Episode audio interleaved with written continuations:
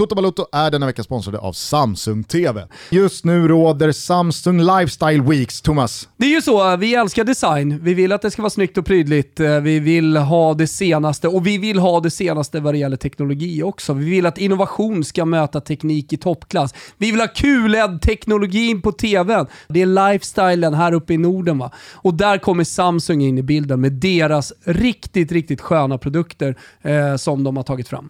Vi har tidigare lyft eh, The Terrace, tvn för otroliga upplevelser utomhus. Vi har pratat om The Frame som alltså är en tv när den är på, men en tavla eller en fin bild med en personlig ram runt om när den är av. The Frame, alltså en tv när den är på, en tavla där du kan visa upp konstverk eller personliga foton när den är av. Nu, nu jäklar. Nu är det The Premiere. Ja, The Premiere, det är en otrolig skapelse. Jag vet knappt var jag ska börja. Eh, du vet eh, när man ska ha en projektor hemma mm. och den ska hängas upp i tak och det ska fixas och donas och sen så är det lite för mycket solljus så funkar inte det. Och glöm det. The Premiere har tänkt på allt. Ja, Samsung har ju tänkt på allt när de har skapat det Premiere. Ja, men det är 4K laserprojektor. Eh, den tar bioupplevelsen hem. Va? Den möjliggör bild upp till 130 tum. Det är en all-in-one-TV, den kräver ingen så här krånglig installation som jag pratar om, utan kan enkelt ställas på en mediabänk. Samsung har en TV för alla rum, men kanske framförallt alla olika typer av personer. Jag vet inte vad du säger, men eh, jag känner det är väl ett par fotbollsmatcher här i sommar som skulle vara jäkligt mäktiga att se just via The Premiere. Ja men exakt. Eh, tänk er själva, ha en vit vägg, få upp 130 tum dunder-TV med, som jag sa tidigare, bioupplevelse, men tänk dig matchupplevelsen när du har 130 tum. Gå in på samsung.com se lifestyle för att läsa mer och hitta din återförsäljare för att ta del av det här erbjudandet. Det gäller från och med 26 april till och med den 23 maj 2021. Vi säger stort tack till Samsung TV för att ni är med och möjliggör Toto Balotto. Stort tack!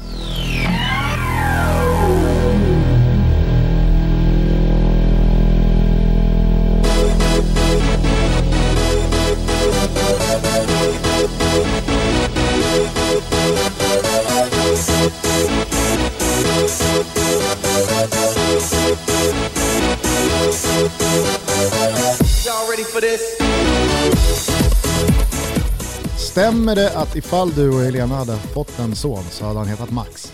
Ja. Efter Pepsi Max? Ja. Hör du, snackar med Helena? Max Wilbacher. Vem, vem är han döpt efter? Nej, Pepsi. Är det någon Maximiliano, någon eh, renässanskonstnär? Nej, nej. Det är döpt efter Pepsi. Och så hade han varit döpt eh, efter Leo i andra namn. Pepsi alltså.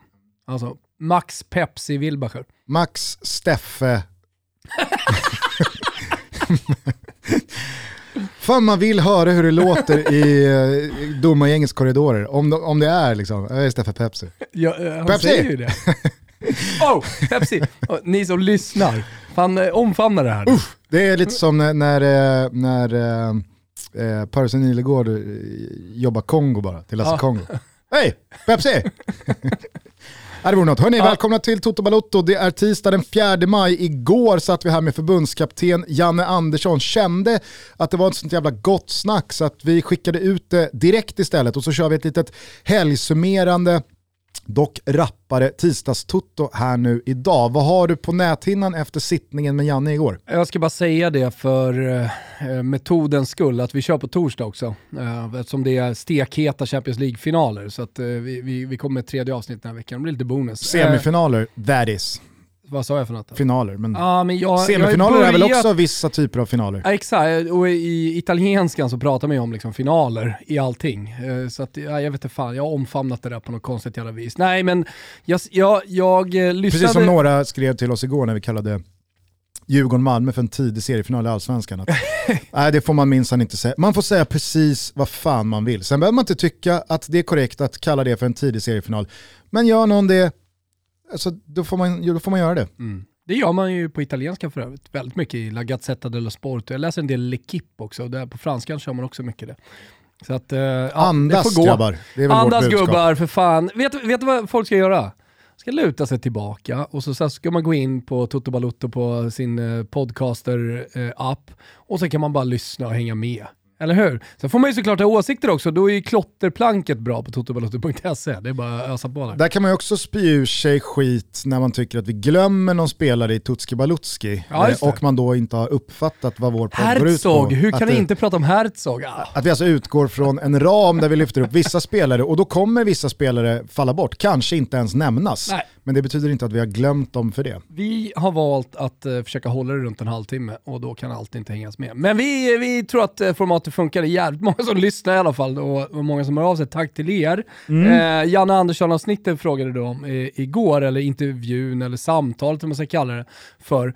Eh, tycker jag var, eh, precis som tidigare när Janne varit här, alltså, han är öppen och, och pratar väldigt öppet också om eh, de här olika situationerna som ändå har brunnit rätt mycket eh, och som har varit lite tabu också, upplever jag det som när han har suttit i, i större medier och, och pratat om det. Eh, det var någon som frågade så här, hur, hur mycket hade ni planerat eh, liksom, frågan om Zlatan innan? Eh, I och med att han, eh, alltså han sa det inte rakt ut, men han sa mer eller mindre att han hade utkrävt en ursäkt ju. Fick inte du också känslan av att han hade gått och rabblat mantrat det ska vara ordning och reda i processen för sig själv på väg Ja, ja. hit? Ja, ja. Om nu grabbarna pressar mig, då, då, då ska det jag skickar ut till dem vara, ja, men det var viktigt att det var ordning och reda i processen. Han säger ju indirekt mellan raderna där att jag ville ha en ursäkt, jag fick en ursäkt. Hade jag inte fått en ursäkt så hade vi inte kunnat gå vidare med varandra. Men nu fick jag det, därför lägger vi det här bakom oss. Det var ordning och reda i processen. Mm. Och om man lyssnar på hela samtalet och det liksom tonläget, det som sägs, de här små meningarna efter, då, då, då förstår man ju att precis så har det varit. Och det var nice, för att jag har inte hört det på det sättet tidigare. Jag har inte hört honom prata om det på det sättet tidigare, utan det har liksom stannat vid ordning och reda på processerna. Det stannar, det som sades stannar mellan mig och Zlatan. Nu, nu tycker jag att han sa betydligt, betydligt mer. Han har ju blivit skicklig i alla fall på att de gångerna han tappar ens 1% kontroll och det svajar till så har han ju liksom eh, som en ryggmärgsreflex då eh, lärt sig att börja med, "Eh, jag kommer inte ihåg. Nej. Och så får han fyra sekunder, vad var det nu egentligen Gusten ställde för fråga? Som då när jag sa, istället för att fråga dig, fick du en ursäkt av Zlatan? Och du bara kan säga att ah, men det stannar mellan oss. Så frågade jag honom om han ville ha en ursäkt när han satt sig på planet. Och då, eh, det kommer jag inte ihåg. ja men det tror jag nog att du gör Janne. Och Och då då, garvar han. har han ju ett svar eh, efter fyra sekunder när han har liksom landat. Ja, okej, det är max han behöver. Fyra sekunders betänketid, det är max vad Janne någonsin kommer behöva. Mm. Men, eh, jag snackade med vår gemensamma vän Rickard Folker här, han hade träffat Janne, de hade delat hiss i Sveaborgen Jaha. ute i Solna. Och eh, då hade Rickard sagt att eh, han hade lyssnat igår då på oss och sådär. Då hade han gett oss komplimanger Janne. Det Jaså? kändes ju bra. Att man, ligger liksom bra. man vill ju ligga bra till hos Janne. Du vill inte vara fjärde domaren till Nej. Janne, men eh, du, du vill gärna sitta i, liksom, i, i, i hans båt och sådär. Ja. ja men vad roligt. Ja, jag, jag måste säga så här med ett dygn eh, distans så känner jag verkligen det jag avslutade med att säga till Janne. Att du, har fan, du har nått resultat på ett sätt som gör att vad det än blir så kommer jag känna, okej då blir det så och det blir säkert bra. Jag spänner bara fast mig i Janne-båten och så ser vi vad det är för vågor som slår. Och skillnaden mellan dig och mig är att jag instämmer i det och det är så jag känner. Men blir det förlust i premiären, då vänder jag direkt. Och då kommer en krönika du om inte- eh, du- och principer och grejer. Du kommer inte ropa avgå Janne på bra många år. Nej, det, det kommer Det vågar jag lova. Eh, hörni, det här samtalet med Janne gjorde ju att vi fick eh, pusha våra tankar kring den aktuella fotboll som utspelat sig under helgen. Det blev ju dock väldigt bra eftersom vi då kunde invänta måndagskvällen och den sju helvetes insats som Kim och Tolles Diffen stod för mot Malmö igår på Tele2. Bland de bättre spelmässiga, sportsliga insatser jag sett ett lag göra i Allsvenskan på väldigt, väldigt länge. Ja, men kan vi inte fortsätta på samma spår som vi pratade om eh, Janne Andersson med, det här förtroendet och alldeles oavsett vad som händer så kommer man ju liksom stå bakom, man kommer man, man, man kommer ju köpa den truppen han tar ut. Precis på samma sätt måste man faktiskt börja se på DIF. Alltså det Kim och Tolle gör, det är bara att omfamna. Okej, de tar, tar in Rasmus Schüller centralt mittfält. Jag var ju tveksam inför säsongen, jag vet inte varför. Du vet, man ska ha en åsikt i alla fall. Och eh, jag är väl inte alltid jätteskarp i allsvenskan. Men hade ju då den lilla åsikten att jag var, var lite eh, frågande kring just det centrala mittfältet när man tappat Ulvestad och så vidare. Alltså Rasmus Schiller igår, alltså, hans första halvlek kanske framförallt. Du vet, han håller på med no-look passes och allt möjligt. Du vet, han, megastjärna. Och så satt jag och jobbade med Finlandsavsnittet i Tutski. Dyker ju Rasmus Schiller upp där. Ja, det var ju han som var regissören bakom segern mot Frankrike, världsmästarnationen, i november när Finland vann med 2-0. Alltså här har ju Bosse återigen gjort ett sportchefsjobb och alltså, Kim och Tolle som du är inne på, det, det, det, känns så, det har pågått under så lång tid nu. De har vunnit ett SM-guld, det har pågått under så lång tid. Så att det handlar bara om att göra ett bra sportchefsjobb. Så kommer Djurgården att tampas om, eh, om SM-guldet. Fan, med facit i hand, nu har det bara gått några omgångar om de inte skulle varit oddsfavoriter där uppe. Just på grund av att man måste gå tillbaka, jag ska, jag ska börja göra det mer själv. Det här är kritik till, min, till mina egna åsikter inför allsvenskan också. Jag ska börja göra det mer. Okej, vad har vi här? Ja, vi har ny tränare där, vad har han gjort? Okej, han kom in, Bartosz kom in i somras till exempel. Rolle Nilsson kom in då. Eh, Tomasson, vad har han visat hittills? Börjar du redan eh, skopa ur vatten nu, Blåvitt-båten? Nej, jag sitter fast fortfarande. okay, ja, men är du med på vad jag menar? Uh, och, och, och man kanske ska gå på det som faktiskt är en garanti och Kim och, och Tolle är en garanti. Och Bosse har ju faktiskt också visat att han, har, att han är en slags eh, sportchefsgaranti. Ja, alltså du nämner Schüller. Många kollade givetvis på Joel Asoro och Ademi när han kom, men bakom Schüller så har du ju Hjalmar Ekdal som också Herregud. är liksom Bosses sportcheferi när det är som allra bäst. Att lyckas plocka honom från Hammarby i detta givna läge för de icke-pengar som eh, det handlade om och så får den här eh, nivån av eh, insatser direkt. Ja, det är otroligt imponerande. Förädlandet av fotbollstalang, där, det är väl det de är bäst på, Kim och Tolle. Men det måste man ju säga också, jämte Rasmus Schüller där igår, att Magnus Eriksson har hittat in på ett centralt mittfält nu på ålderns höst, att man får en ny spelare i honom. Det brukar ju vara att Anders Svensson eller Anders Andersson sjunker lite längre ner och så blir det mittbackar av dem. Att flytta in Mange Eriksson från en kant och låta han lite orappare och kvickare som man är nu eh, på senare år få operera med all sin erfarenhet, ta kloka beslut, den speluppfattning han har.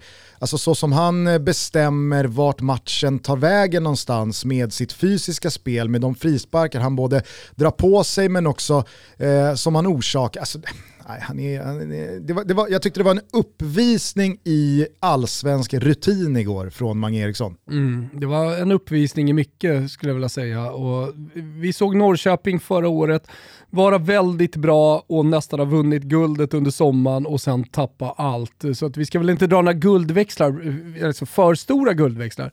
Men, men äh, återigen så så här, fan, landa lite i vad, vad Kim och Tolle har gjort och de har ju faktiskt ett, ett SM-guld dessutom. Och, mm, äh, frågan om det inte är Djurgården man får jaga den här säsongen från och med nu.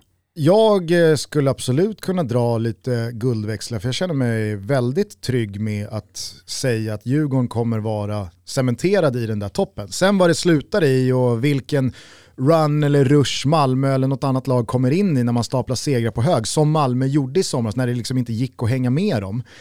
Då, då, då återstår det väl att se var det slutar, men jag ser ju inte Djurgården nå en punkt den här säsongen där man över så pass lång tid tappar så många poäng att tre, fyra, fem lag springer förbi dem och distanserar sig ner till Djurgården. För det ska man komma ihåg att nu återstår det bara fyra matcher för Djurgården innan det är ett EM-uppehåll om Bosse kan trolla med knäna en höst och vinter eh, under eh, och eh, inför ytterligare en coronasäsong, vad kan då Bosse göra ytterligare ett halvår senare med ett sånt uppehåll som finns med spelare som behöver antingen tänka om och komma hem eller spelare som har hamnat snett där ute. Det finns pengar efter de senaste årens försäljningar så det räcker och blir över och man kommer förmodligen ha en så pass gynnsam tabellposition och stundande Europaäventyr att det går att locka med sportsligt också. Sen så som du är inne på, Kim och Berg Kim och Bergstrand.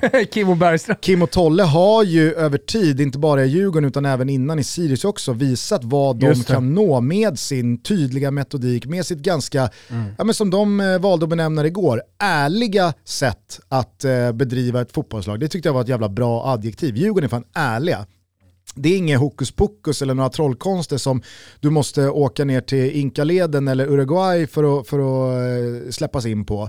Utan det är ganska tydligt att, att kika på vad, vad Djurgården gör. Mange Eriksson pratade om det igår efter matchen också, att nej, men kom ner på Kaknäs och kolla de 5, 6, 7 passen vi gör mellan matcherna. Det är stenhårt gnugg, det är ganska simpel fotboll, men alla vill vinna, alla pushar varandra, alla trivs ihop och alla vet vad det är som gäller. Att faller man ur ramen och tror att det här går att bara liksom ställa ut skorna och gå på treans växel, ja men då får du inte spela nästa match. Så att det är ju det, det, det är väldigt basic, det är väldigt simpelt, när man, men när man får ut så mycket av det och dessutom har en trupp som är byggd hungrig, för det tyckte jag var en jävla skillnad på Malmö och Djurgården igår, att man såg en hunger i Djurgården. Mm. Att okej, vi vann ett SM-guld bara för två år sedan, men det är ganska många i det här laget som inte var en del av det guldet, som vill ta det där guldet. Och så finns det några, jävligt eh, viktigt att ha det också, som vill vinna igen och som vet vad det krävs. Une Larsson, Elliot Check och så vidare. Men eh, jag tyckte det syntes klart och tydligt igår på Djurgården att det är ett lag som har en majoritet av spelare som är jävligt hungriga på det där guldet och vet att tre poäng i april och maj betyder exakt lika mycket som tre poäng gör i augusti. Medan Malmö då kanske har snarare en trupp som har ett, två, tre, fyra, fan Erdal Rakip har väl både fem och sex SM-guld. Eh, det finns en åldersstruktur som eh, jag tycker i alla fall vittnar om att lite för många spelare kanske är lite för klara med liksom resten av sin karriär. Nu ska det spelas en eller två eller tre säsonger till i Malmö. Eller lite på väg bort.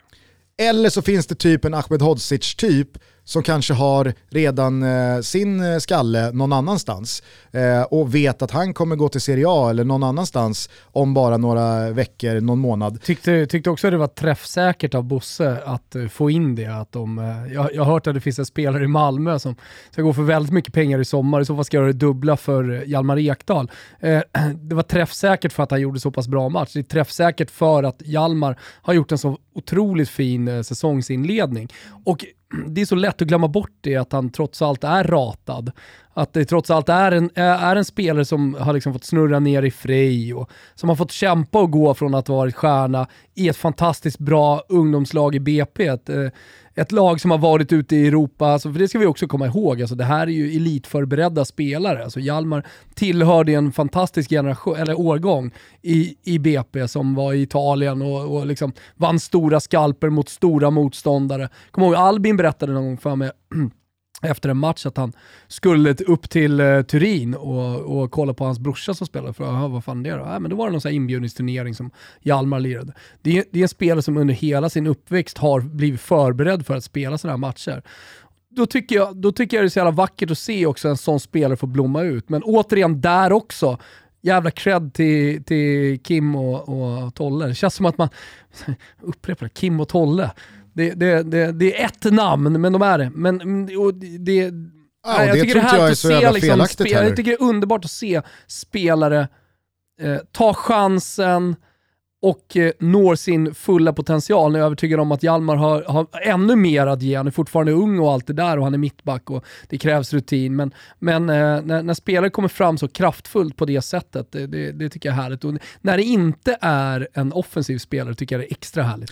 Sen ska det väl sägas att eh, det bästa BP-laget i varje årskull har ju spelat de flesta inbjudningsturneringarna runt om både i Europa och Asien. Det, det, var ju inget jo, unikt för BP, Hjalmar Ekdals Eh, årgång. Ja, men, men vissa BP-lag liksom, eh, flyger på det, den årgången som kommer innan för att de var så bra, då blir liksom nästa årgång, nästa årgång eh, inbjudna eh, av bara farten. Ja. Det är det jag menar. Han, han, han tillhörde jävligt bra lag. En aspekt jag inte tycker man ska underskatta i alla fall i fallet Hjalmar Ekdal, det är att han också kommer med ett efternamn och en storebrorsa som lägger nog eh, betydligt mer press på hans axlar och eh, större förväntningar från oss som tittar på utifrån än vad väldigt många andra ja, som kommer fram absolut. Eh, inom den svenska elitfotbollen Jag, jag menar bara att idag med. pratar vi jättemycket om BP06 och BP10 och så tidigare klassiska årgångar. 89 med, med Albin var ju fantastiska, det vet ju du, du har mött dem.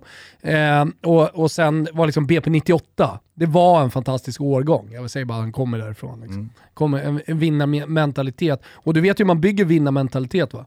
Ja, med att vinna. Ja, exakt. Eh, må många, många har fått om bakfoten märker jag. Det är bra att lära sig av förluster. Klart man kan ta en, en liksom, lärorik förlust en gång ibland, men, men vinner man genom hela livet då, då bygger man upp en vinnarmentalitet också. Ja, men just den där vinnarmentaliteten är ju det som jag tycker att Kim och Tolle har implementerat på ett otroligt oh ja. sätt i Djurgården och som verkligen smittar av sig. För att alla som har följt allsvenskan och alla som har följt Djurgården i synnerhet senaste åren, eller sen Kim och Tolle kom och vad de kom med för medialt bagage från sin tid i Sirius, vet ju att det har pyst ur en del missnöje från spelare som hamnat snett med Kim och Tolle.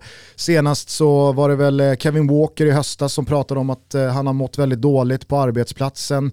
Eh, Astrid Ajdarevic försvann från Djurgården under ganska mystiska former. Jag är helt övertygad om att Kim och Tolle de, eh, de, har inte hur högt i tak som helst och de har eh, en, en, en, en tröskel och ett ramverk som är jävligt tydliga. Ställer man inte upp på det, ja, men då blir det jobbigt och jag tror att Kim och Tolle dessutom är två tränare som de har sån jävla fokus på att få ut så mycket som möjligt av fotbollslaget. Att man kanske nedprioriterar de mjuka värdena mm. hos spelare 16, 18, 22 som kanske mår lite dåligt. Och det kan man väl säga vad man vill om, det kan man väl tycka vad man vill om. Det jag i alla fall konstaterar är att Kim Bergstrand och Thomas Lagerlöf har kommit in och på två och ett halvt år tagit Djurgården till både ett SM-guld, etablerat dem i toppen, visat alla vad det krävs för att dels få spela i Djurgården, men kanske framförallt vad det krävs för att slå Djurgården. Och jag var hos Studio Allsvenskan här i morse och, och, och pratade om, om, eh, om Djurgården och Kim Otolla också. Och då slog jag fast att jag tycker att det som är mest imponerande med Djurgården under deras ledning, det är ju vilken otroligt hög lägstanivå de har fått till. Mm. Sen så tycker inte jag att man ska på något sätt förringa den groda som Kim Bergstrand eh, hävde ur sig i den här intervjun med Niva tidigare i år. Den är, liksom, den är, den är oförsvarbar, men jag tycker inte den ska spilla över på hans profession som fotbollstränare och hans förmåga att nå resultat som Djurgårdstränare. Han har bett om ursäkt för den, han vet att det blev fel.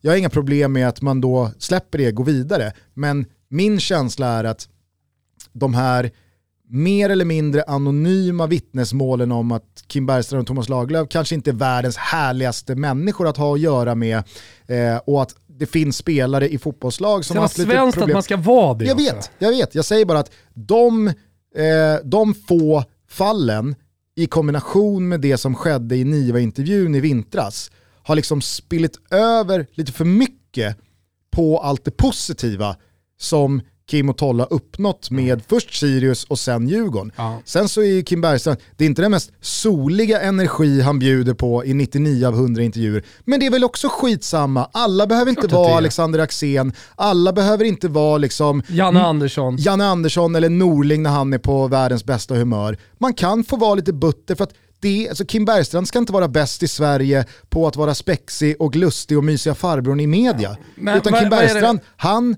han har, han har pröjs från Djurgården för att göra så bra resultat som möjligt med dem. Och det gör han jävligt bra. Mm. Ja, men, eh, vad är det Niva har som bio på sin uh, Twitter? The great fallacy is that the game is first and last about winning.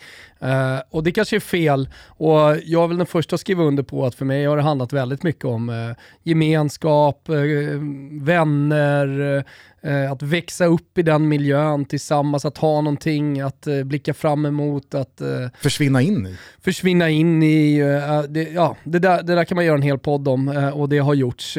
men jag, alltså så här, frå, frågar Djurgårdssupportrarna så handlar den här säsongen om att vinna. Eh, och sen är det nice att gå och dricka bärs och, och gorma ramser, men kommer Djurgården sjua så är det inte lika nice. Så jag menar, eh, eh kan de vara eh, lite oskön, kan Kim Bergström vara lite oskön och det är inte alltid soligt eh, när, när det görs intervjuer, så skiter varenda Djurgårdssupporter i det. Framförallt så skiter väl Kim Bergström i vad någon tycker och tänker om någonting. Oh, för honom handlar det bara om att vinna. Jo men hade, hade supportrarna inte gillat det, då hade det faktiskt haft en betydelse. Men bara säger mig emot lite att eh, det, det, stora felet är att uh, fotbollen är first and last about winning. För att i slutändan så är det så. Det är, det är inget kul att åka ner i Serie B.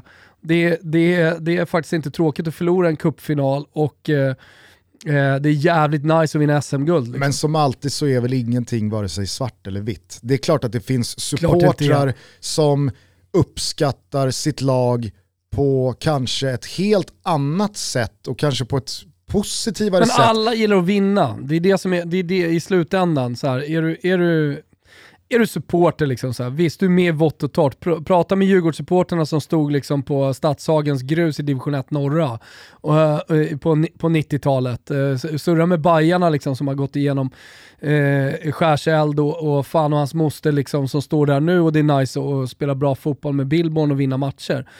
Även om han inte vunnit så mycket nu då. Men eh, är du med? Alltså det, det, det, det, är klart att alla vill vinna i slutändan. Sen kommer man ändå stå där. De, där, de trogna supportrarna kommer ändå vara där. Eh, men, men jag tycker inte att det, det, det, det är motsägelsefullt. Liksom. Det, det går inte emot varandra att vara en trogen supporter som alltid är där oavsett eh, och alltid. Nej, nej, absolut inte. Och jag tror att eh, det finns väldigt många parametrar och aspekter och mjuka värden från supportroll. Men från Kim Bergstrands håll och Kim och Tolles håll, då är det inte alls någon fallacy utan det, det är first and foremost about winning. Alltså det, det, det är det fotboll handlar om. Och ja, det, det är väl en sån coach man vill ha alldeles oavsett vilken typ av supporter du är. Mm, ja, ja, visst, absolut. Tror jag. Ja. Ja, eller, ja det kanske, kanske går att säga emot då. Det, fin, menar, det finns väl, det alltså finns väl ganska många, det finns väl ganska många Tottenham-supportrar ja. som skulle kunna dra upp José Mourinhos sätt att leda Tottenham också. på att Visst, hans output är att vinna, men då måste han ju också vinna för att annars är det dubbelt jobbigt. Jo. Men det är ett alltså- extremt exempel såklart också. Hade, hade Pochettino varit exakt den han var och, och lett, eh, alltså som person eh, och som ledare och i intervjuer, men eh, Tottenham hade slutat 8-7 så hade det inte varit lika nice. Alltså jag menar bara på att, eh, alltså att vinna de där jävla matcherna och ta tre poäng är allt. Ja, och, och, och, är det någonting som eh, jag tycker man alltid kan hamra fast så är det ju den här diskussionen kring vad det är för typ av fotboll man spelar. Jag har varit på Roland Nilsson, jag brukar alltid återkomma, i alla fall eh, inom mig själv, till Magnus Kjellanders gamla ord när han kom hem till Örgryte och skulle rädda dem från nedflyttning, att ingen kommer tacka oss för klacksparken och det roliga spelet ifall vi åker ut. För till syvende och sist så är det det det handlar om. Nu ska det räddas ett kontrakt, nu ska det vinnas matcher, nu ska det tas poäng. Det är det allting måste börja med, för annars spelar det ingen roll. Och där är det ju verkligen så att okej, okay, vi kan prata hur mycket som helst om metodik och olika principer i anfallsspel och jävla vad det flödar om eh, Hammarbys anfallsspel under 2019 och de bara öser in mål. Men hej, om det slutar med att man inte vinner, någon annan har varit bättre på att plocka poäng, ja då är det ju det som till slut kommer vara det som definierar ett lag som vinnare och ett lag som icke-vinnare. Mm. Sen så finns det absolut folk som med rätta följer ett lag och som menar på att vad är det här för jävla dödgräva fotboll? Vad är det här för destruktiv fotboll? Den utvecklar inga spelare, den vinner inte matcher, den tar oss ingenstans. Men jag tycker att Kim Bergstrand och Thomas Lagerlöf, de står ju för en fotboll som, den utgår inte från att det bara ska liksom forsa fram en offensiv, konstruktiv, kreativ lavin som är otrolig att titta på utan man har ett utgångsvärde och en ledstjärna som är, vi ska spela en vägvinnande fotboll. Mm. En det, ärlig fotboll. En ärlig fotboll och det är, jag lovar dig, det är kul att åka med när man spelar en vägvinnande fotboll. Ja. Och det kommer, och om, om Rolle Nilsson får bitarna på plats och ett köttigt, tungt och, och, och liksom eh, jävligt kraftfullt Blåvitt börjar stapla segrar som blir fem, som blir sju, som blir nio på rad det kommer vara kul att kolla på Blåvitt. Det kommer vara kul att supporta Blåvitt. Och jag menar, nu, nu kanske inte Östersunds supporterbas eller piazzan i Östersund är relevant att jämföra med när man pratar Stockholm och Malmö och, och, och Göteborg och så vidare. Men där kan man ju verkligen peka på en fotboll som var extremt underhållande att titta på. Den var vägvinnande. Men vad fick de med sig då? Ja, de fick med sig en kupptitel som de väl kommer bli av med ifall eh, Kindlunds dom står i hovrätten. Jag vet inte, jag är för dåligt inläst på det där. Sen hade de en helt otrolig Europa League-resa. Men jag skrev en gång på Twitter, och det var väl det väldigt mycket vi utgick ifrån eh, i, i några diskussioner kring Östersund där, där det begav sig, att Östersund är Sveriges bästa fotbollslag, men Malmö är Sveriges bästa lag på att vinna fotbollsmatcher. Ah, det finns en distinktion däremellan. Mm, mm. Djurgården kanske inte är Sveriges bästa fotbollslag, men jag Eller tycker så, så det, som ja. de såg ut igår så är de ganska otvivelaktigen Sveriges bästa lag på att vinna fotbollsmatcher. Men jag tycker, jag tycker att de är Sveriges bästa lag just nu. Ja, de är inte långt fotboll. därifrån i alla fall, men du förstår att man kan hålla de, man kan hålla de två tankarna i luften Ja, samtidigt. Och väldigt många gånger så sammanstrålar de också. Och fan vet om inte Djurgården är på väg där. För den här inledningen med 12 poäng efter det här schemat, fyra matcher, och så som säsongen är uppdelad i pre-EM, uppehåll, Bosse, miljoner på fickan, det finns grejer att locka med. Nej, det, det, jag, jag, jag tror att, eh, jag, jag, vågar i alla fall eh, slå fast att eh, Djurgården kommer slåss om guldet. Vi är sponsrade av Gillette och inte bara Gillette utan deras One Stop Shop King C Gillette som alltså är en namnhyllning till Gillettes grundare King Camp Gillette. Och vad är då denna One Stop Shop King C Gillette? Jo, den är precis allt du behöver för att raka, trimma och vårda ditt skägg. Och för att lyfta de olika typer av produkter i denna One Stop Shop så har jag och Thomas här nu under maj månad tänkt att lyfta fram olika spelare runt om i fotbollseuropa som kan behöva börja vårda och trimma sitt skägg bättre, som hade mått bra av att lägga till sig med ett skägg, som hade mått bra av att raka av sig allt skägg, eller som senast då, enligt mitt förslag, Thibaut Courtois som borde skaffa sig en riktigt fin mustasch. Ja, men den tyckte jag var fin. Alltså, det finns ju spelare som borde använda beard och face wash från King C Gillette. Det finns ju sån här uh, soft beard balm för de som har lite större skägg. Allt möjligt som, som du var inne på. Men nu har jag hittat en spelare som måste raka av sig precis allt skägg. Det ska vara renrakat. Måste glömma allt vad ansiktsbehåring heter. Ja, men på planen så är det en jakthund. Det är en spelare som utmanar, som tar sig förbi. Du vet, det ska vara, eh, det ska inte vara något luftmotstånd. Är du med på liksom, spelartypen? Tänk dig Albin Ekdal. Han har ju liksom renrakat, olivhy och sådär. Jag tycker att den här spelaren i samma landslag borde jobba på samma sätt, men har hakat på någon slags skäggtrend här nu. Nej. Hoppa av den direkt, renraka dig. Tänk dig Albin Ekdal. Du ska vara som en eh, bebisrumpa i ansiktet. Det ska vara mjukt och lent. Ta double edge racer-hyven i din hand, eller varför inte neck racer-hyven i din hand och go nuts. Ja, men jag tycker faktiskt double edge racern, eh, för den för ju tankarna tillbaka till gamla barbershopsen i Louisiana.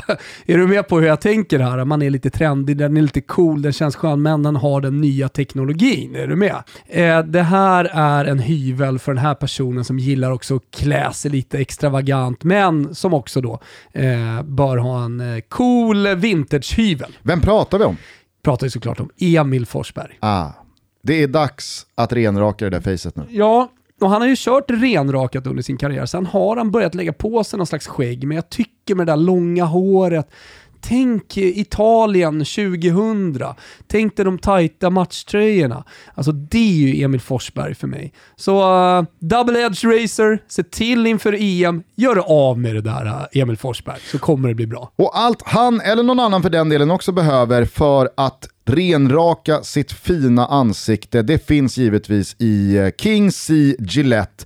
Då finns det ett transparent shave gel. Ja, har jag ja. själv testat. Ja, men- Ruskigt bra. Ja men det är ruskigt bra. Ser man vad man har missat liksom. Exakt. Emil, om du lyssnar, Ponne, Lusting, ni som lyssnar, E- Albin, skicka det här till, till eh, Emil Forsberg. Nu är det för de som lyssnar och för Emil Forsberg 20% rabatt. Med kampanjkoden TOTO20 så får alla som lyssnar 20% rabatt på Gilettes skägg och ansiktstvätt och andra utvalda King C Gillette-produkter hos Apotea. Detta gäller från den 3 till den 10 maj. Rabattkoden är alltså TOTO20, 20 med siffror och den här gäller enbart för Toto-lyssnare. Så gå in på apotea.se och gör det nu. Vi säger stort tack till Gillette för att ni är med och möjliggör vår fina renrakade podd. Stort tack!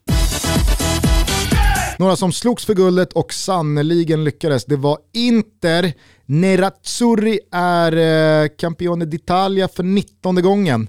Kliver eh, förbi Milan i maratontabellen från 18, de har ju båda stått på 18, upp på 19, det är en jävla bit upp till eh, Juventus. Men wow, vilken jävla vår Inter gör. Eh, jag tror att de tappar 6 poäng på 17 omgångar. Alltså tre kryss, 14-3-0 spelar de på de senaste 17 omgångarna fram till och med att titeln säkrades i helgen. Jag är, nej, jag, jag är, jag är glad, även fast jag långt ifrån håller på Inter, så jag är glad att Juventus titeldominans är bruten. Och det är inte jag för att jag är liksom så emot Juventus, utan det är för att jag får en kick av att ingenting varar för evigt inom fotbollen. Ja, men eh, där har du ju nästa gubbe som eh, bara lever för att eh, vinna. Det har han gjort hela sitt liv, det gjorde han som spelare och det gör han nu också som tränare. Det finns liksom ingenting som ska kunna stoppa Antonio Conte, i alla fall inte i hans huvud, utan han går över lik, han gör vad fan som krävs för att vinna. Du pratade om att vara nice mot gubbe 16, 17, 18, 19, 20.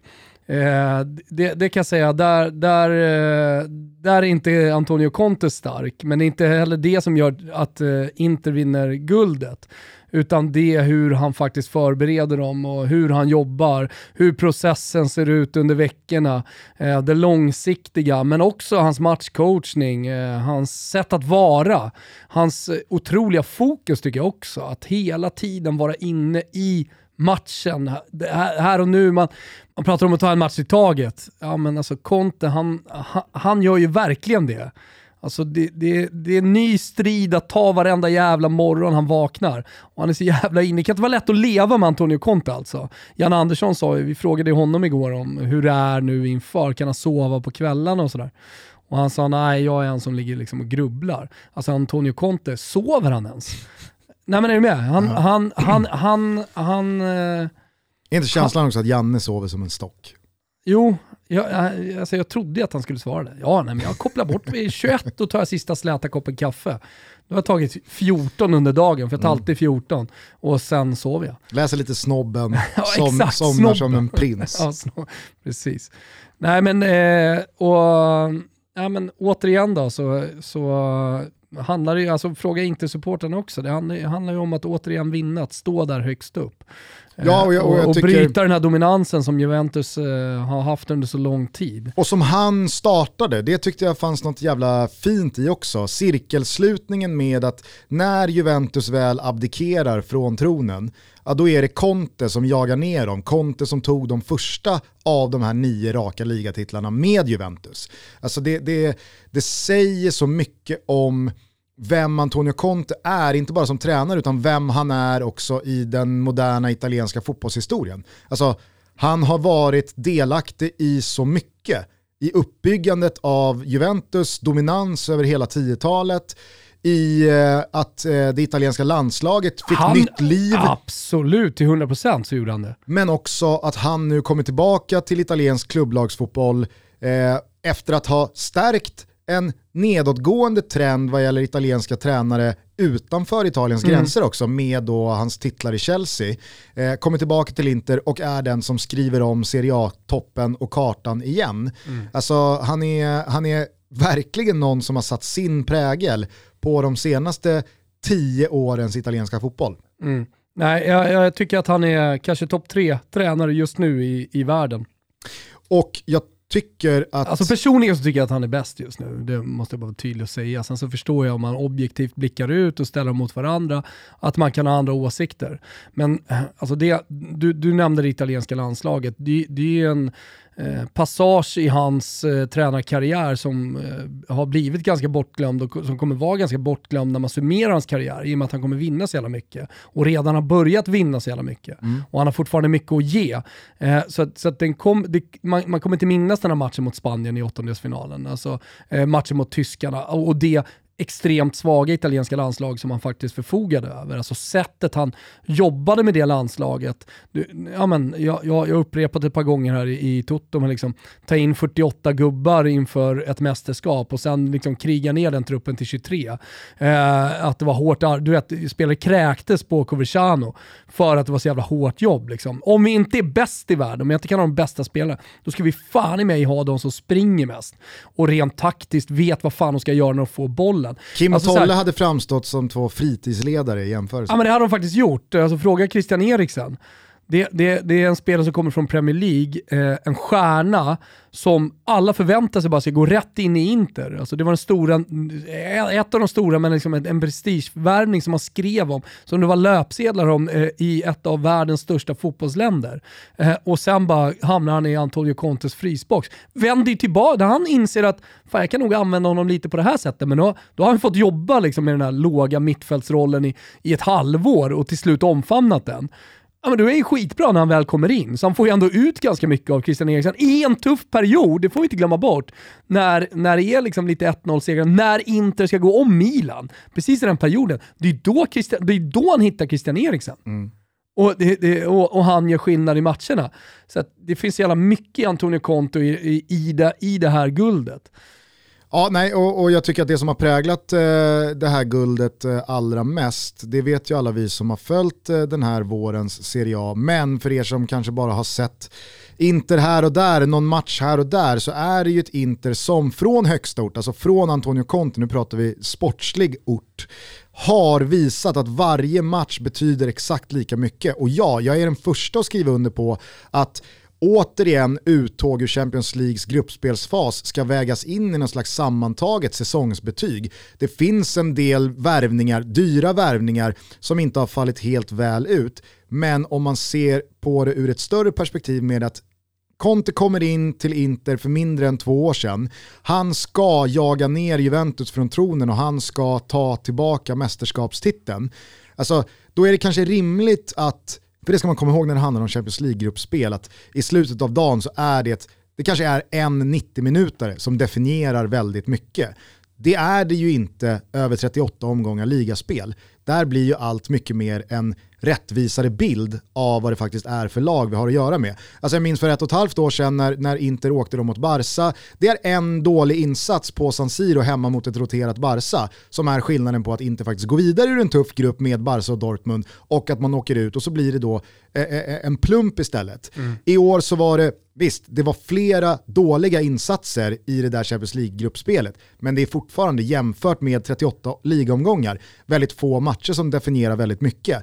Men sen dess, och visst ska man komma ihåg att inget Europaspel under den här våren säkert har gjort skillnad.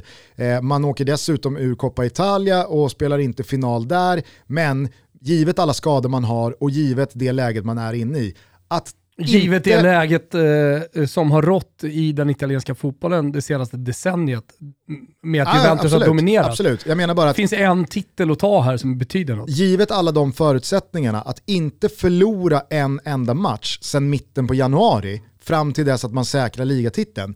Det vittnar om sånt jävla fokus i varje uppgift. Ja, inte, inte en, inte alla enda spelare. gång har de slarvat. Mm. Och, och, och, exakt det du, det du säger vill jag understryka när man tittar på Contes både minspel och hans kroppsspråk och så som han lever sig in i matcherna, så som han firar målen, så som han klappar om sina spelare efter matcherna.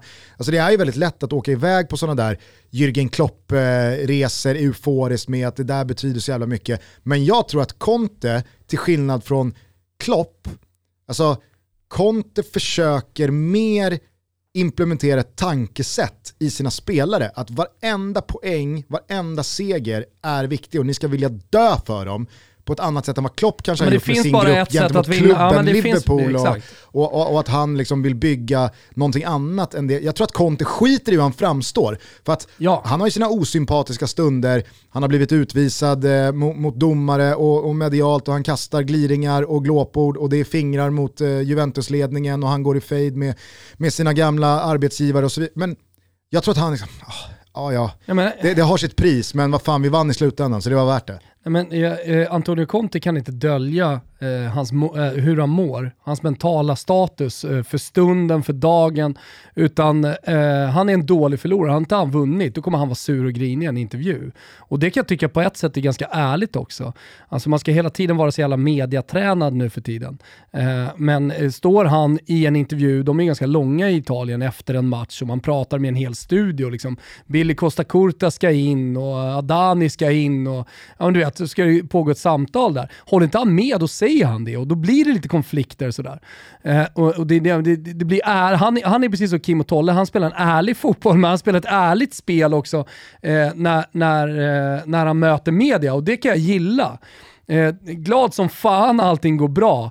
Uh, går det dåligt, ja, men det är en dålig förlorare. För är du en vinnare, då är du en dålig förlorare också. Det är ju så extrem som Conte är. Och det är därför han var sur och grinig i somras också. Han hade ju velat vinna den där scudetton. Det var därför han var sur och grinig i höstas och det ryktades om att Antonio Conte hade gjort sitt i Inter och att det skulle komma en ny tränare och allting där i november. Fan, han hade åkt ur Champions Leagues gruppspel. Vi pratar om Antonio Conte som vill vinna allting hela tiden. Det är klart som fan han är sur och grinig. Och så dras det liksom växlar på det. Och det är klart som fan han kommer gå ut och vara solig nu i intervjuer, för han har ju vunnit. Exakt.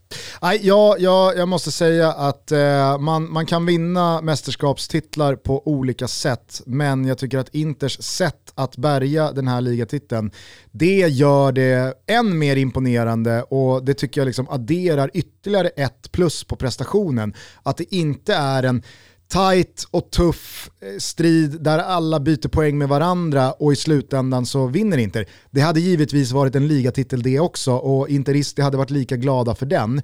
Men den här maktdemonstrationen, den här ångvälten som Conte bara har liksom plöjt alla med under hela den här vintern och våren det gör att jag, jag, jag, blir ännu mer imponerad. Ja, och tror du han firar det här eh, ligaguldet eh, och är nöjd där? Nej, vad händer tisdag morgon i eh, Turin?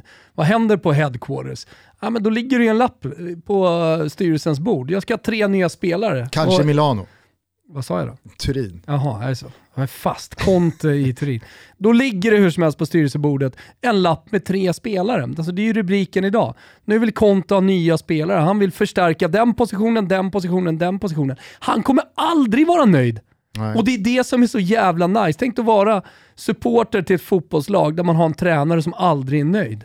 Frågan är om någon spelare ens vill lämna också.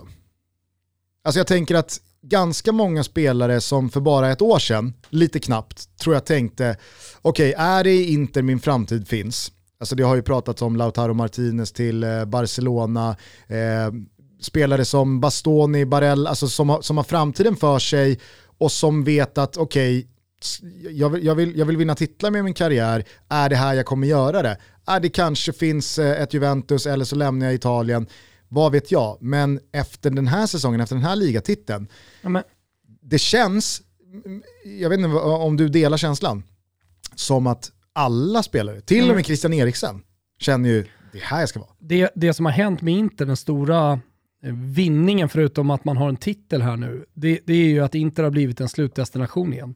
Det har blivit en klubb som, som man inte vill lämna. Och eh, den som symboliserar det mest och bäst av alla är ju Romelu Lukaku. Som har varit i stora klubbar i andra länder. Som eh, har firat stora triumfer och vunnit titlar i andra länder. Romelu Lukaku går ut direkt efter scudetton och säger att det här är hans bästa fotbollstid. Han har aldrig, han har aldrig trivts bättre, han har aldrig mått bättre, han har aldrig varit bättre som fotbollsspelare. Passar samtidigt på att skicka en gliring till Zlatan, såg du det? Jag tycker som också jag att det, det, finns en symbolik i det. Ni som missade så, så säger han väl eh, att han uh, har fått kronan av Gud va? Han och blivit, att uh, man får knäböja för honom nu. Han har blivit dubbad va? Till kung ja, av Milano, ja, av Gud. Av Gud. Now bow down. Så nu är det dags att, nu, nu Inkinati al re och kungen av Milano, kungen av Italien just nu är Romelu Lukaku. Han är symbol, han är stora stjärnan och allt det där.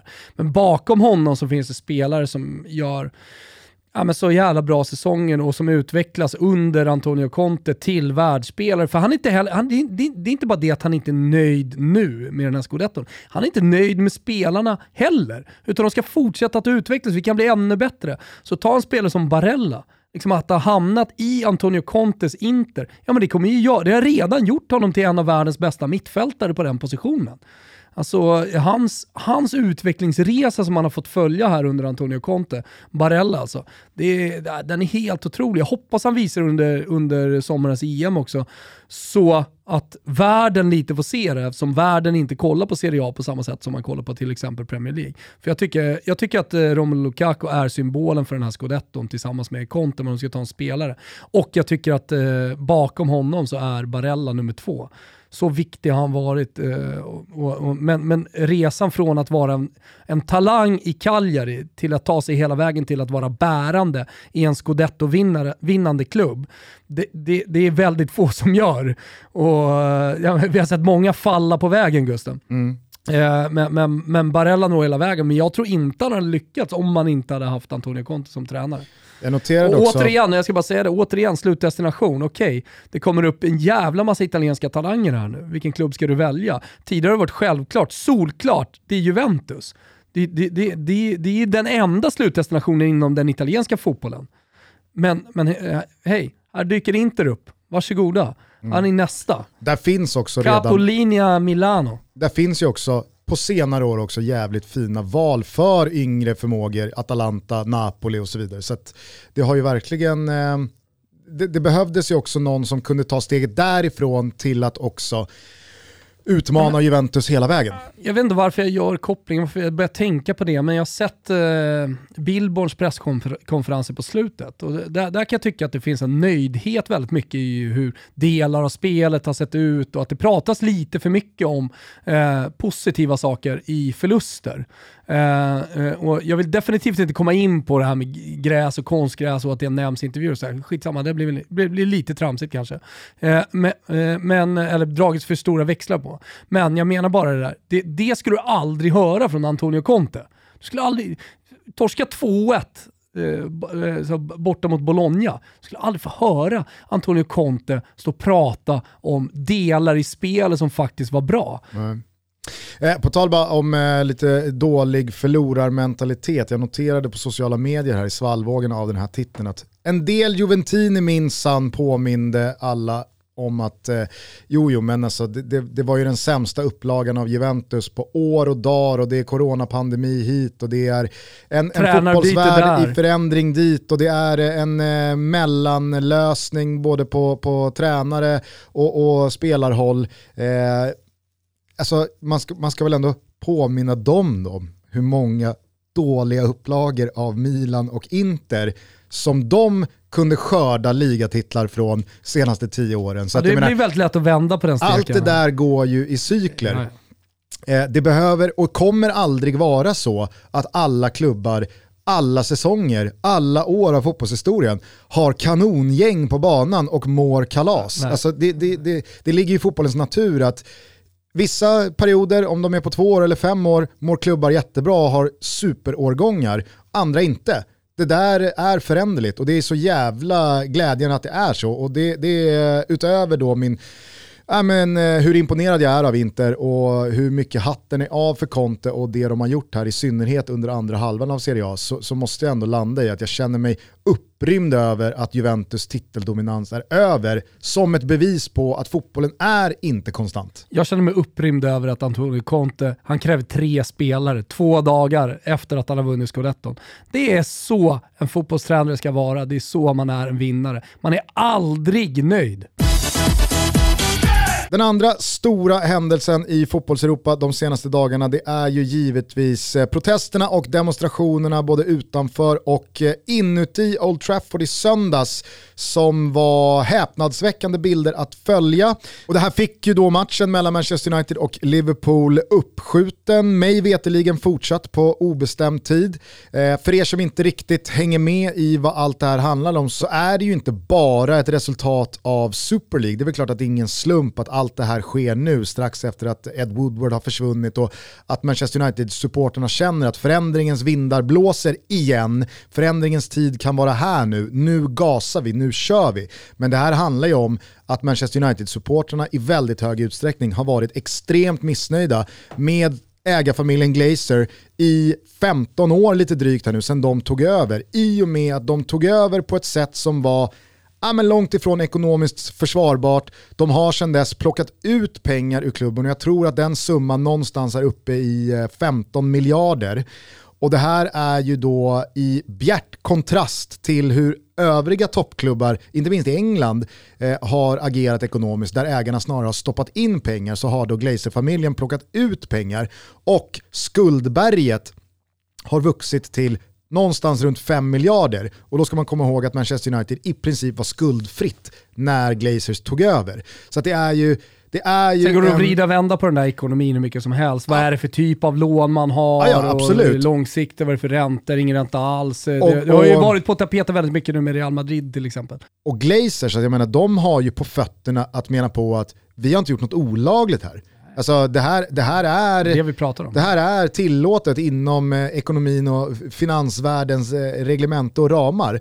Men eh, att Manchester United-supporterna, de vägrar ställa upp på det här. Det var väldigt, väldigt mycket protester runt 2010, många kommer säkert ihåg när David Beckham var tillbaka med Milan på Old Trafford. Ett Old Trafford som var draperat i gult och grönt, eh, originalfärgerna, Beckham tog på sig halsduken. Så det här är ju inte bara ett resultat av att United har haft det lite tyngre sportsligt, utan Nej. det här har ju kommit och gått väldigt jag, mycket jag, jag, senaste, tror, senaste tio åren. Mm, men jag tror att det är ett resultat av uh, det som hände med Super League, uh, man såg demonstrationerna i London. Precis, det är ju ingen slump att det sker nu. Nej, det är ingen slump att det sker nu. Super League-haveriet, det väckte någonting hos supportrar, jag tror över hela Europa. Jag tror att det har blivit ännu starkare, eller tror. Det har blivit ännu starkare och det kommer vara starkt när supporterna nu får gå tillbaka till läktarna. Eh, för det har du inte missat va? Nej. Nu börjar supporterna komma tillbaka i stort sett alla länder. Jag såg att den italienska landslagstruppen var vaccinerad. Det går fort nu. Det går fort ur den här jävla pandemin. Jag såg att det var en endemi borta i England nu, inte ens en pandemi. Det är väl 20% publikkapacitet på Mapei här i cupfinalen mitten av maj. Ja, precis. Atalanta, Juventus. Ja, ja. Eh, Premier League har väl tänkt att spela de sista två eller tre omgångarna mm. av Premier League med 10 000. Mm, något sånt. Ja, men det, kom, det, det, det, händer mycket nu och, och, och sen så kommer och det, det, jag säger är bara att de här protesterna kommer fortsätta. Kommer, man kommer ta med sig dem in i, på arenorna och man kommer visa tydligt sitt, sitt, uh, sitt missnöje, om det nu finns något missnöje. Uh, och, uh, så när vi om något år summerar liksom vad som hände efter Super League så kanske det är så att det här är ett tecken på vad vi, vad vi kommer att få uppleva under det kommande året. Det vill säga att supportrarna mer och mer tar tillbaka eh, sina klubbar. Att, eh, att man visar vilka det faktiskt är som är fotbollen och att det är supportrarna. Eh, och jag, jag, kan inte tolka det på något annat sätt än att det är just det som händer. Dels i London, dels, dels i eh, i Manchester. Här är det supporterna som, som, som inleder en revolution som också kommer att fortsätta. Nu tar man tillbaka fotbollen.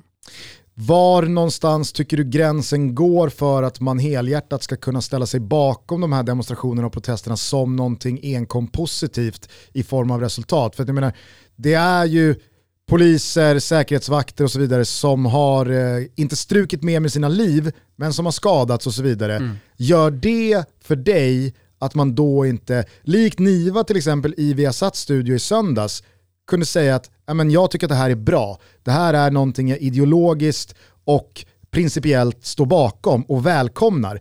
Och då ska jag givetvis reservera mig för att Niva inte sa att folk skadar sig och eventuellt stryker med. Där och då hade inte några sådana uppgifter kommit. Ja, men du frågade mig, alltså, jag är all for att gå ner på piazzan och eh, visa sina åsikter. Om piazzan är en fotbollsarena, ja men då, då, då är det fine där också. Sen så är det alltid så i, i, i protester att eh, Eh, det finns lite casualties och då, då, då, får man helt enkelt leva med det. Men frågan är, vad är det man står bakom? Vad är det man protesterar emot? Och det är ju Glazer-familjen. Vad är det de har gjort? Alltså, så i slutändan om en vakt blir skadad på Old Trafford, då är det ju för mig Glazer-familjens fel. Mm. För att här måste det protesteras. Här måste fotbollen tas tillbaka till supportrarna. Och eh, uppenbarligen så har det inte gått på något annat sätt, utan man måste faktiskt gå man ur huset och man måste revoltera för att eh, få tillbaka fotbollen. Och, eh, Vet du vad det var? Är, ja. Det var en ärlig protest. Det var definitivt en ärlig protest, men jag kan ju, jag kan ju verkligen inte lägga det här på supporterna. Alltså om någon nu blir skadad eller får någon annan eh, liknande konsekvens. Utan det, det, det, det måste ju läggas på de som faktiskt är ansvariga för att det finns en protest. Och det i det här fallet är ju Glazer-familjen. Så är det något blod som rinner så är det på deras händer. Mm.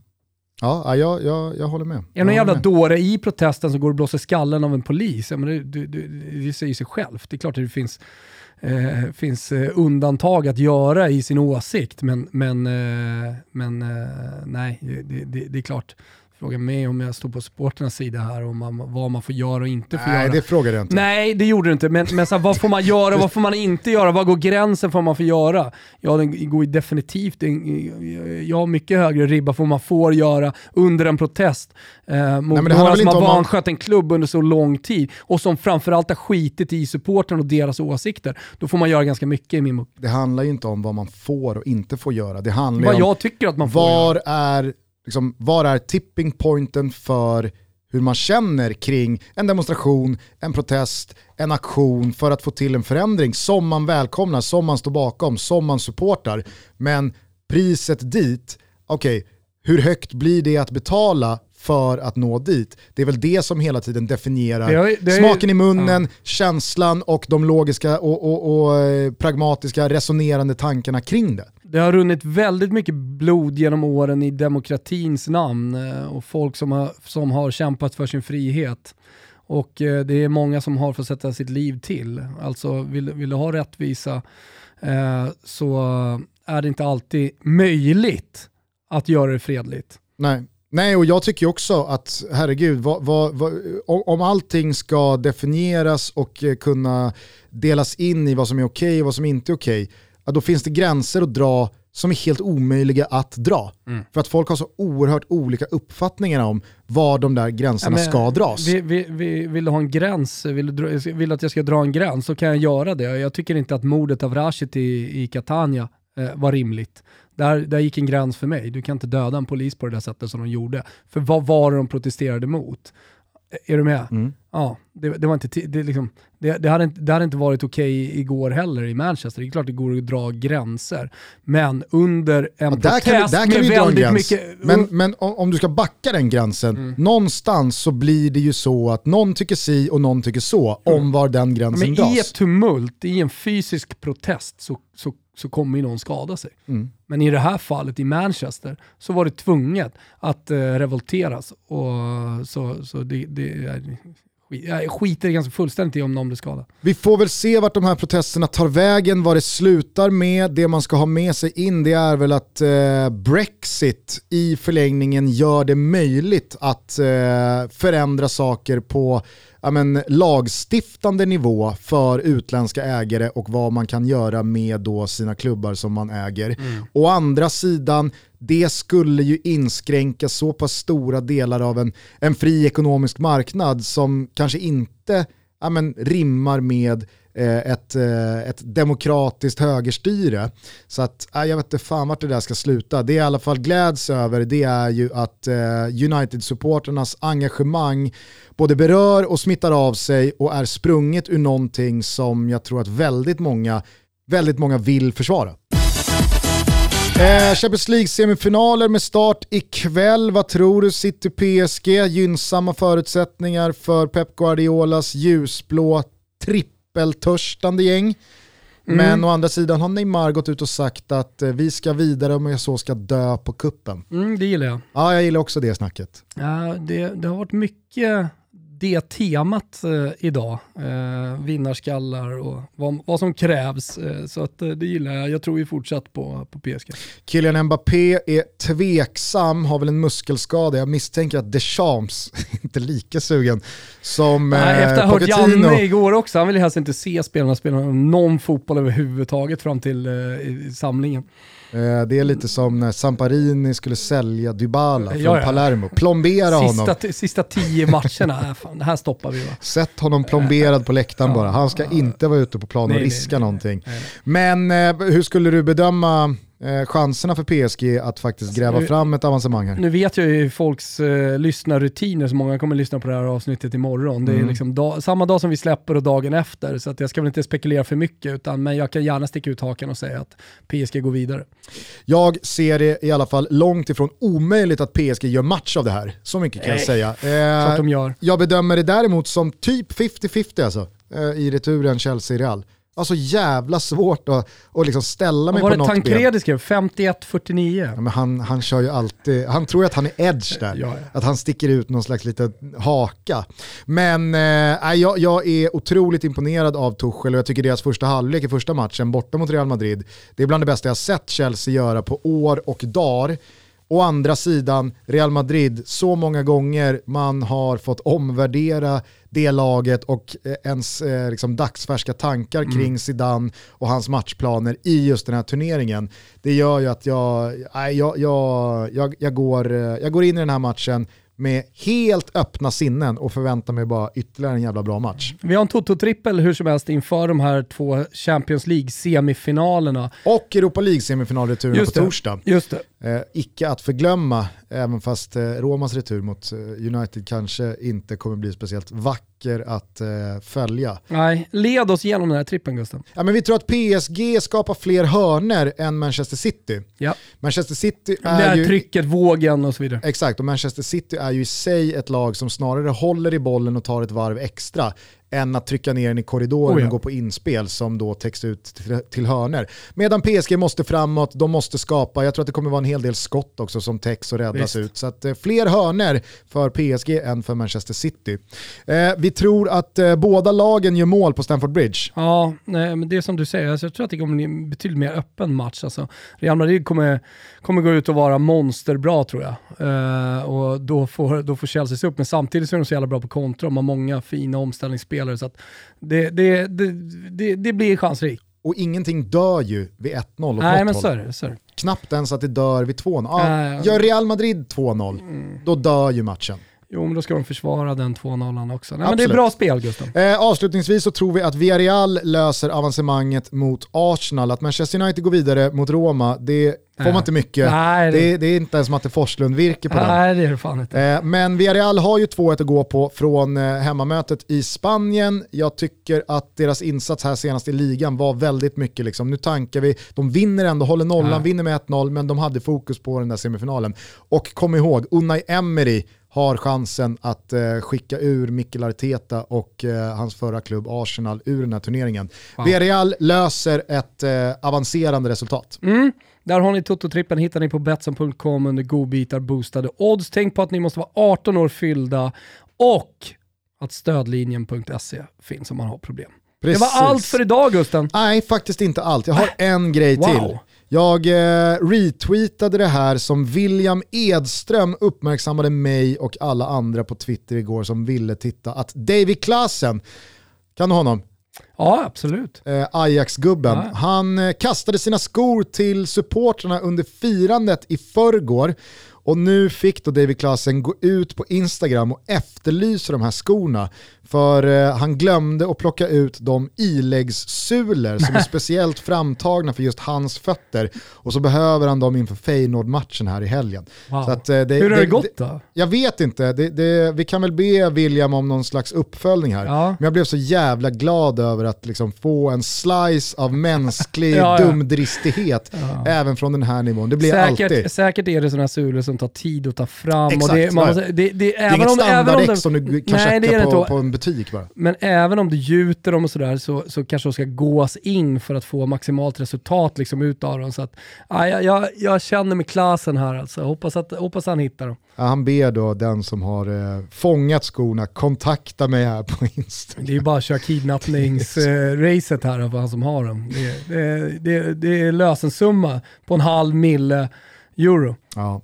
Hörni, i eh, morgon gästas vi av assisterande förbundskapten Peter Wettergren. Då blir det ett klassiskt gästavsnitt igen. Det är många som har efterfrågat våra gamla klassiska faktarutor och eh, ja, men mer tydliga gästavsnitt som det kanske inte blivit så mycket av under coronapandemin. Vi har ju försökt eh, att eh, inte träffa så många i, i, i studion och sådär. Men Wettergren vill komma hit. Vi har jättegärna honom här och jag är jävligt nyfiken på honom som både person och fotbollsmänniska. Det här avsnittet kan ni höra nästa vecka. Exakt, vi är tillbaka på torsdag. Tror det eller ej, då är det nytt Toto. Vi bara gasar här nu. Glöm inte bort att lyssna på våra Totski-avsnitt. Känn eh, peppen. Eh, och de som vill eh, och lyssna på det här på tisdag kan kika in på, eh, på vår YouTube-kanal Studio, Studio Toto Balotto. Där, där kör vi live från 19.30. Danne Larsson kommer och Kimpa Wirsén är här. Ja, det blir trevligt. Tjeckien idag, Frankrike imorgon, Oj. Tutski Balutski rullar vidare hela vägen fram till och med den 28 maj. Tack för att ni lyssnar. Vi hörs snart igen. Ta hand om varandra. Ciao tutti! Ciao tutti.